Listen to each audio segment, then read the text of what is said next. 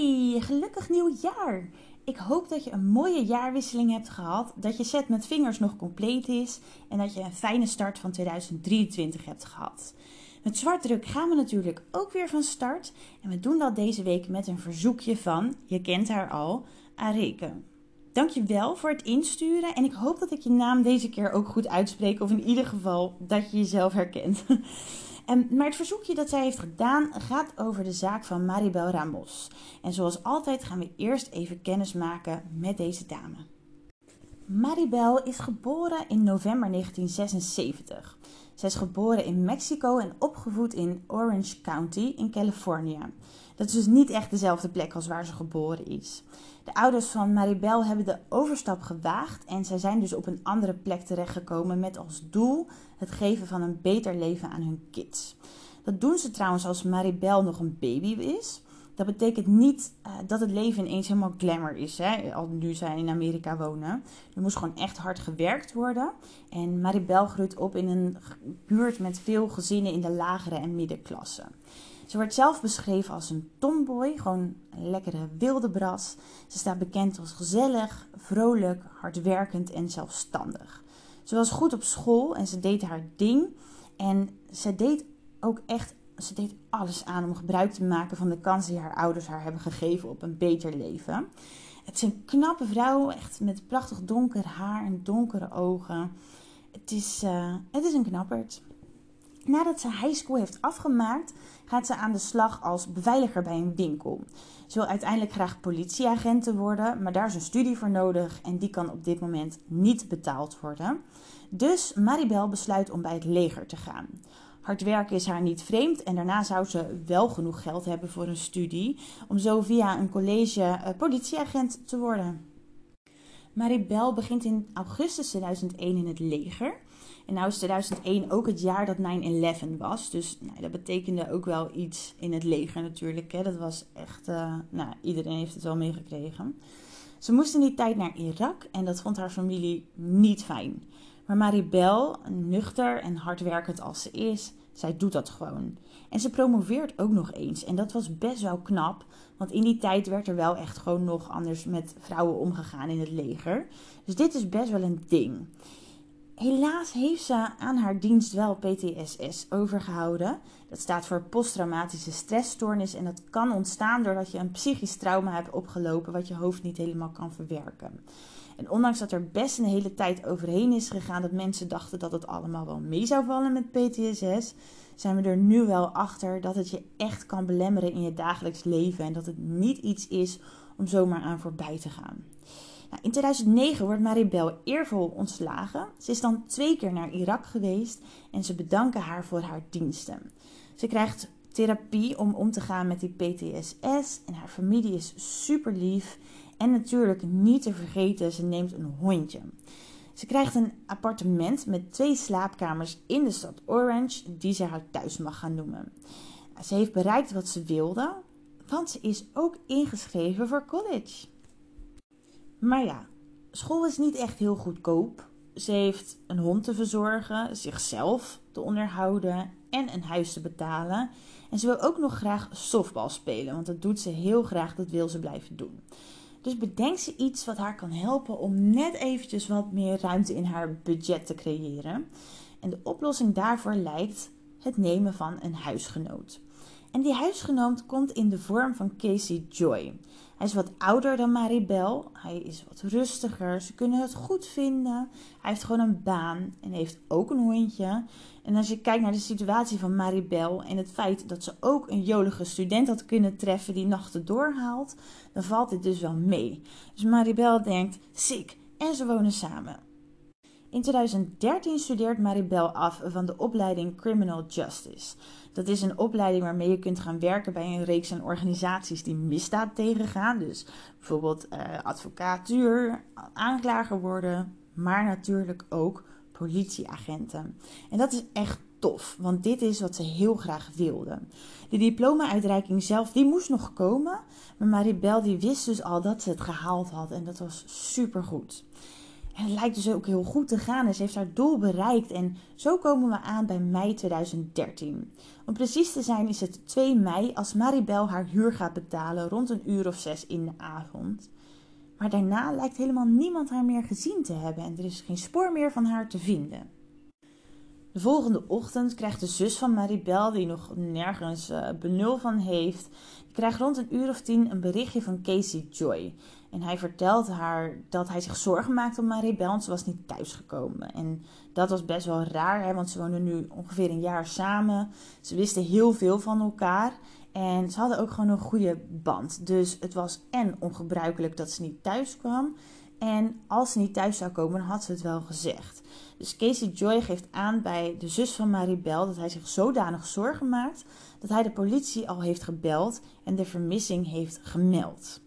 Ja, een zus van Maribel begint ook berichtjes naar haar te sturen, maar ze merkt ook dat ze geen reactie krijgt.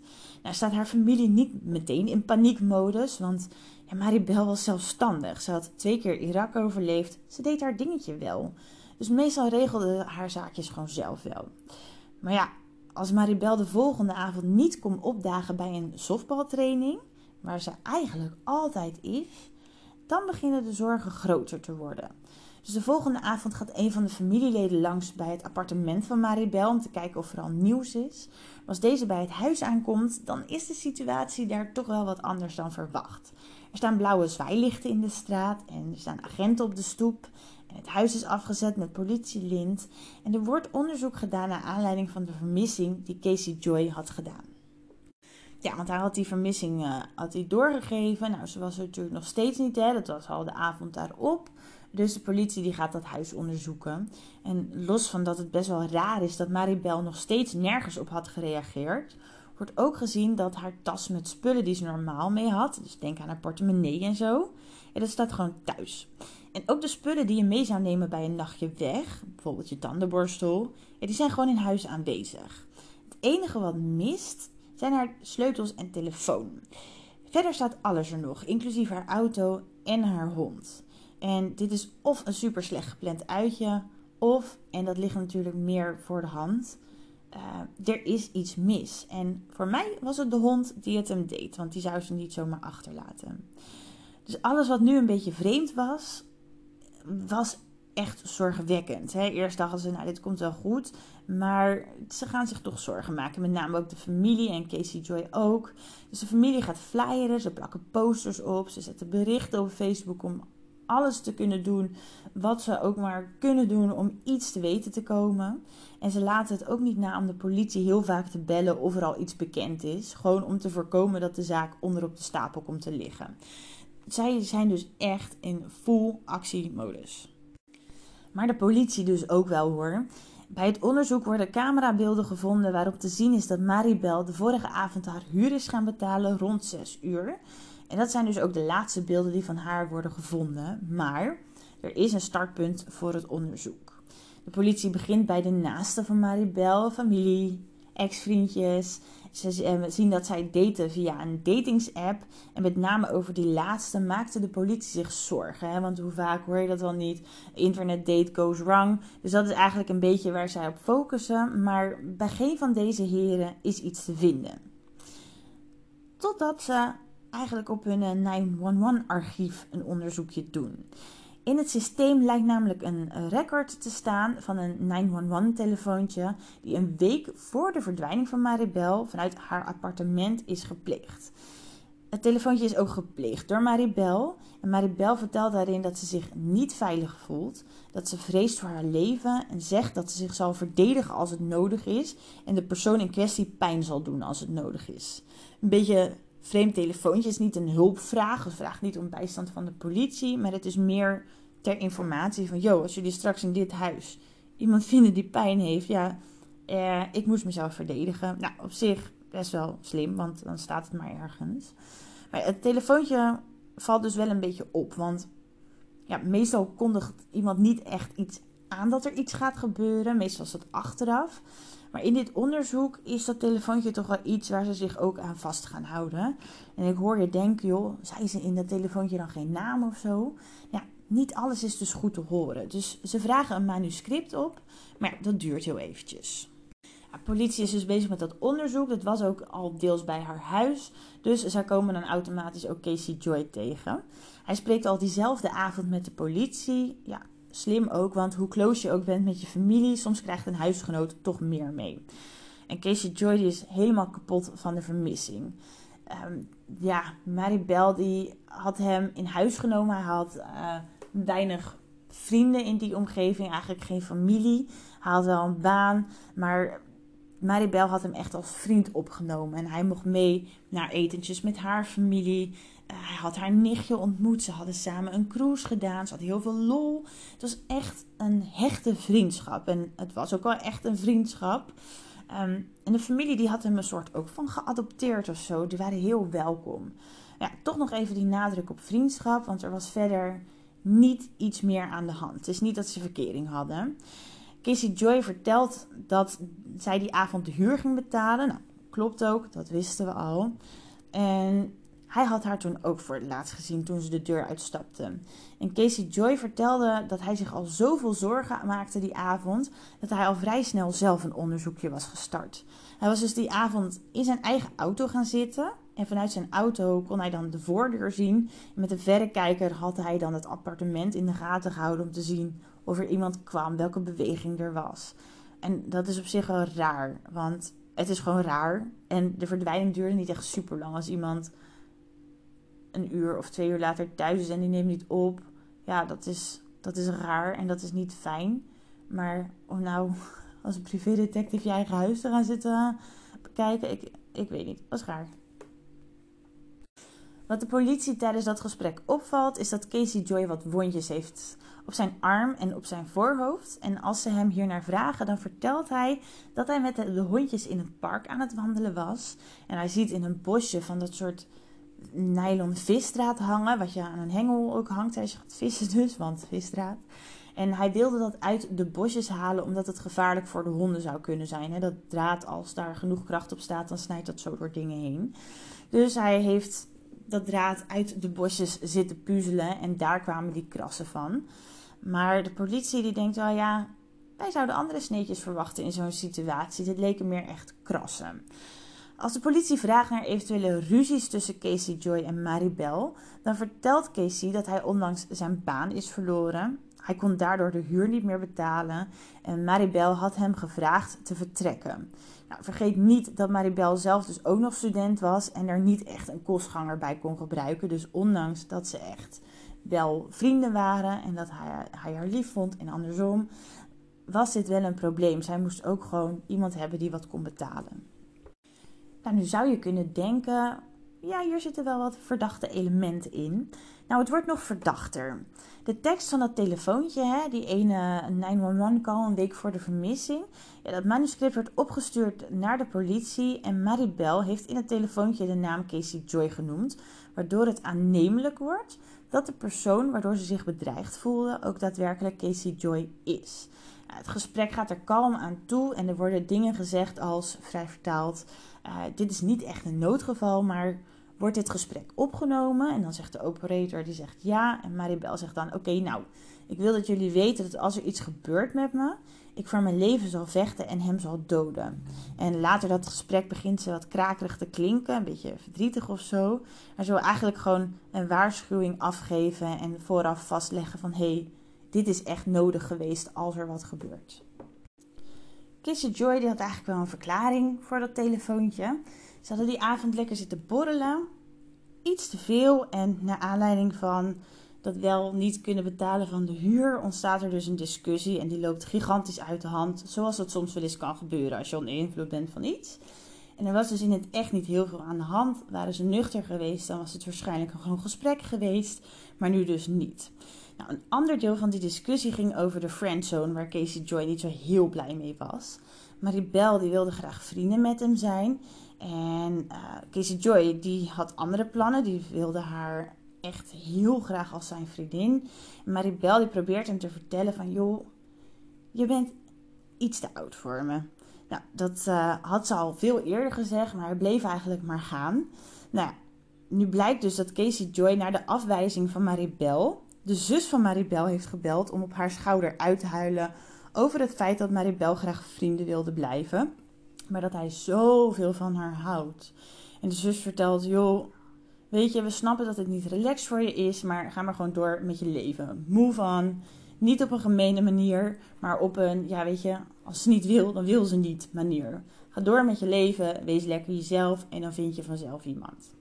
Nou, Casey is vrij open over dit alles. En de politie ziet vooral een bezorgde huisgenoot met wat liefdesverdriet misschien, maar niets om verder te onderzoeken. En in het huis is er ook geen aanleiding om verder onderzoek te doen. Er is geen bloed, geen lichaam, geen clues, geen niks. Ja, ze onderzoeken alles. Hè? Camerabeelden, ze kijken of er Maribel nog ergens anders in de omgeving is vastgelegd. Telefoongegevens, toch nog een keer die dates van de dating app. En ondertussen hebben ze ook de computers in het huis in beslag genomen. Maar ook na deze ronde, na deze ronde van alles weer onderzoeken, daar komt niks uit. Dus ze beginnen eigenlijk een soort van nog een keer opnieuw. En ze gaan ook weer in gesprek met Casey Joy. Die gaat gewoon weer op de praatstoel zitten en beantwoordt heel behulpzaam alle vragen, want hij maakt zich zorgen. Dus hij wil graag meewerken. En op het eerste gezicht is er verder niks aan hem te zien. Hij werkt totaal mee, hij zit er relaxed bij, niet onzeker, geen zenuwachtige trekjes. En toch vertrouwt de politie het niet helemaal. Iets in een onderbuikgevoel. Dus ze laten hem schaduwen. Casey die gaat in die dagen veel naar de plaatselijke bibliotheek. Hij heeft geen computer meer, want die was in beslag genomen voor het onderzoek. Dus op zich niet raar, want hij moet toch op zoek naar een nieuwe baan. Misschien wat bankzaken doen, een e-mailtje behandelen. Dus nee, op zich niet raar dat hij daarheen gaat. Nou, dus hij naar de bibliotheek en dan zit hij in zo'n rijtje met computers. Ik stel me dan zo voor dat er nog wat andere mensen zitten. En uh, nou, hij zit dat op het toetsenbord te rammelen. En wie er nog meer in die bibliotheek zijn, zijn wat undercover agenten die hem schaduwen dus. En wat zij zien is Casey Joy die naar de vacatures aan het zoeken is. Ze houden hem toch nog een beetje langer in de gaten met een schuin oog. En dan zien ze een opvallende zoekterm, zoals: kan een telefoon getraceerd worden als hij is uitgezet? Ha, bingo. Niet echt slim, want met deze zoekterm voelt de politie het alsof ze beten hebben. Op basis hiervan krijgen ze toestemming om zijn digitale voetsporen te volgen op die openbare computer. Nou, wat zien ze? Casey checkt zijn mail. Hij solliciteert nog een keer. En dan komt er nog een zoekterm voorbij. Hoe lang duurt het voor een lichaam ontbonden is? Ja, eerlijk is eerlijk misschien niet deze letterlijke woorden, maar na een aflevering zoek ik ook wel eens wat op waarvan ik denk, nou, ik moet niet uh, ergens verdacht van worden, want dan kom ik hier niet best uit. Maar in deze context is het natuurlijk wel heel erg opvallend. Casey Joy die rammelt nog wat door op zijn toetsenbordje en hij zoekt naar stille tochten die voor Maribel zijn georganiseerd. En dan zoekt hij een soort van groot afgelegen gebied op. En hij zoomt daarin op een boom. En dat is wel grappig, want dat gebied is super afgelegen. Het heet de Modesta Canyon. Het ligt op zo'n 16 kilometer afstand van het appartement. En er is niks. Het is een gebied met rotsen. Je kijkt kilometers uit op niks. Het is prachtig, maar er staan geen huizen of zo. Dus niet dat je denkt even adresje opzoeken, want daar moet ik een keer heen. Het is, uh, het is opvallend dat je daar precies één boom moet hebben. Ja, wat zou hij met die boom hebben? Dus de politie die tast niet meer helemaal in het duister. En de stand van zaken die zij op dit moment hebben is als volgt. Maribel en Casey Joy gaan dus samenwonen. En lief als ze is, die Maribel, zij bouwen samen een vriendschap op. Casey Joy wordt verliefd op Maribel en raakt misschien zelfs wat geobsedeerd. Maribel geeft dus aan van, hé hey jongens, het is niet wederzijds. En afgaand op die 911-call slaat de sfeer ook om. Nou, en dit is een nieuwe en die kunnen we pas na de verhoren in het plaatje passen. Maribel had Casey Joy al een keer eerder afgewezen. Nou, zij vertelde van, hé, hey, je bent gewoon echt een klein beetje te oud voor me. En daarop heeft Casey Joy dus voor 12.000 dollar aan facelift laten doen. Drastisch, maar we kunnen denken dat dat is omdat hij er jonger uit probeerde te zien. Maar ja, Maribel wil hem dus nog steeds niet en Maribel verdwijnt. Casey zoekt rare dingen op op een afgelegen plek waar hij niks te zoeken heeft. Dus de politie die gaat op zoek in Modesta Canyon. Ze gaan af op het punt waar Casey Joy op had ingezoomd, hè, op die boom. Nou, ze moeten wat bosjes door, want dat was er dan weer wel. En dan vinden ze iets waar niemand op had gehoopt. Ze vinden daar een ondiep graf en daar ligt Maribel begraven. De politie, ze hebben best wel veel bewijs, ze hebben best wel veel uh, red flags, op zijn minst. Maar wel indirect. Casey Joy geeft aan van jongens, ik heb hier helemaal niks mee te maken. En toch wordt hij gearresteerd. En ten tijde van die arrestatie draagt hij dus blijkbaar de dogtags van Maribel. En dogtags zijn van die plaatjes die iedereen mag dragen, maar die zijn vooral bekend bij soldaten. Daar staat dan bijvoorbeeld je naam op. En als ik het goed heb begrepen, is het vooral voor identificatie als er iets gebeurt tijdens die oorlog. Dus stel dat er iets goed misgaat, dan kan iemand zo'n dogtag van ja, uh, lichaam afnemen en dan kan bijvoorbeeld de familie geïnformeerd worden. En en dat is best wel eng, want Maribel heeft die dogtag op heel spannende momenten gedragen. Dat er echt kans van was dat er iets zou gebeuren. Het is niet dat soldaten altijd in veilige omgevingen zijn. Ze was verdorie in dienst, daarvoor had ze ze. Dus het is super persoonlijk. En deze goos denkt, ja, die leen ik even. Ze is er niet, dus die doe ik even om. Ik vind dat raar. De politie is uh, vrij zeker van hun zaak en na ongeveer een jaar komt Casey Joy voor de rechter. En nu denk je misschien, ja, maar vanaf het begin is al zo duidelijk dat Casey Joy hier iets mee te maken had. Maar resume, in het huis geen bewijs gevonden.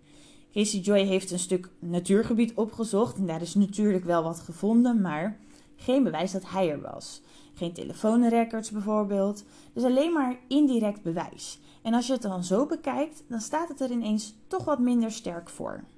En Casey Joy blijft volhouden. Hij blijft zo hard volhouden dat hij zelfs beweert dat hij op die computer niks had opgezocht, maar dat iemand hem erin wilde luisteren en dat hij zelf niet die termen had ingetypt, maar dat iemand de computer had overgenomen. Mhm. Het is een publieke computervent. Dan heb je iemand echt flink boos gemaakt als dat zou gebeuren. Mafkees. Nou, de advocaten van Casey Joy gooien het erop dat Maribel zelfmoordneigingen had. En dat ze daar op die manier terechtgekomen zou zijn. En dat dat ook nog de schuld zou zijn van de PTSS. Gadver, zo kun je niet zijn. Iemand die zo hard werkt om de droom na te jagen, is niet eerlijk. Maar de jury die dacht er net zo over, waarschijnlijk als jij en ik doen. Schuldig als ik weet niet wat. Hij wordt schuldig geacht en wordt veroordeeld voor second degree murder. Dat betekent dat je wist dat je daden gingen leiden tot de dood, maar dat het zonder voorbedacht te raden was. En er wordt gedacht dat het geen first degree murder is geworden vanwege het ontbreken van ijzersterk bewijs en dat ze eigenlijk maar het beste hebben genomen wat ze ervan konden maken met second degree. Dus het is meer een, uh, uh, we doen dit maar, want we weten niet zeker of als we doorgaan, hè, dat het andere er komt en dat hij dan misschien wordt vrijgesproken. Dat risico wilden ze niet lopen.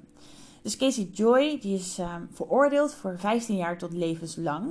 Hij zegt nog steeds dat hij niet schuldig is, dat hij niet verliefd was op Maribel, dat ze supergoed bevriend waren, maar dat hij hier met deze moord niks te maken had. En hij had ook geen contact gehad met de zus van Maribel hierover. Nou, dit had misschien gewerkt als er niemand anders bij betrokken was, maar er zijn natuurlijk gewoon getuigen. Die zus van Maribel heeft natuurlijk gewoon haar telefoon. Maar goed, Casey Joy, die uh, blijft volhouden. En het slechte nieuws is dat hij uh, vanaf 2024 aanvraag kan doen voor voorwaardelijke vrijlating. Dus dat is uh, niet best, dat is al bijna. Maar ja, Maribel uiteindelijk is zij in dit verhaal het belangrijkste. Dat deze vrouw die zo knetterhard werkte, met gevaar voor eigen leven letterlijk. En dat zij een plan trok en dat na wist te jagen. En dat dit dan zo door een of andere gek zo wordt gedaan. Dat is heel naar, dat is heel naar. Ja, Maribel, afgestudeerd, uiteindelijk nooit als politieagent gewerkt. Ze heeft toch haar diploma gekregen, al kon ze niet zelf meer in ontvangst nemen. Dit heeft haar nichtje voor haar gedaan. En zo komen we aan het einde van de zaak van Maribel Ramos en dus aan het begin van een tip. Ook die komt vandaag bij Areke vandaan. Zeker een vriendin van de show te noemen. er is een uh, hele vette serie op Netflix en die heet Devil in Ohio. Het gaat over een meisje die ontsnapt aan een secte. En die secte is wel echt zo duister als dat je je kunt bedenken. Het verhaal is niet één op één waar gebeurd, maar verder weg wel gebaseerd op een waar gebeurd verhaal van een secte. En met name op die laatste werd ik door Areke geattendeerd. De naam van die secte, die hou ik nog even voor me, want er komt binnenkort een aflevering over. En dan zal ik natuurlijk ook weer eventjes aan de serie refereren. Areke, dubbel bedankt voor vandaag, voor alle input. Heb jij nou zelf een suggestie? Wil je iets kwijt of heb je een leuke tip om te delen? Dat kan natuurlijk via het mailadres in de show notes. Voor nu, bedankt voor het luisteren en tot snel. Geniet van je dag hè. Doeg!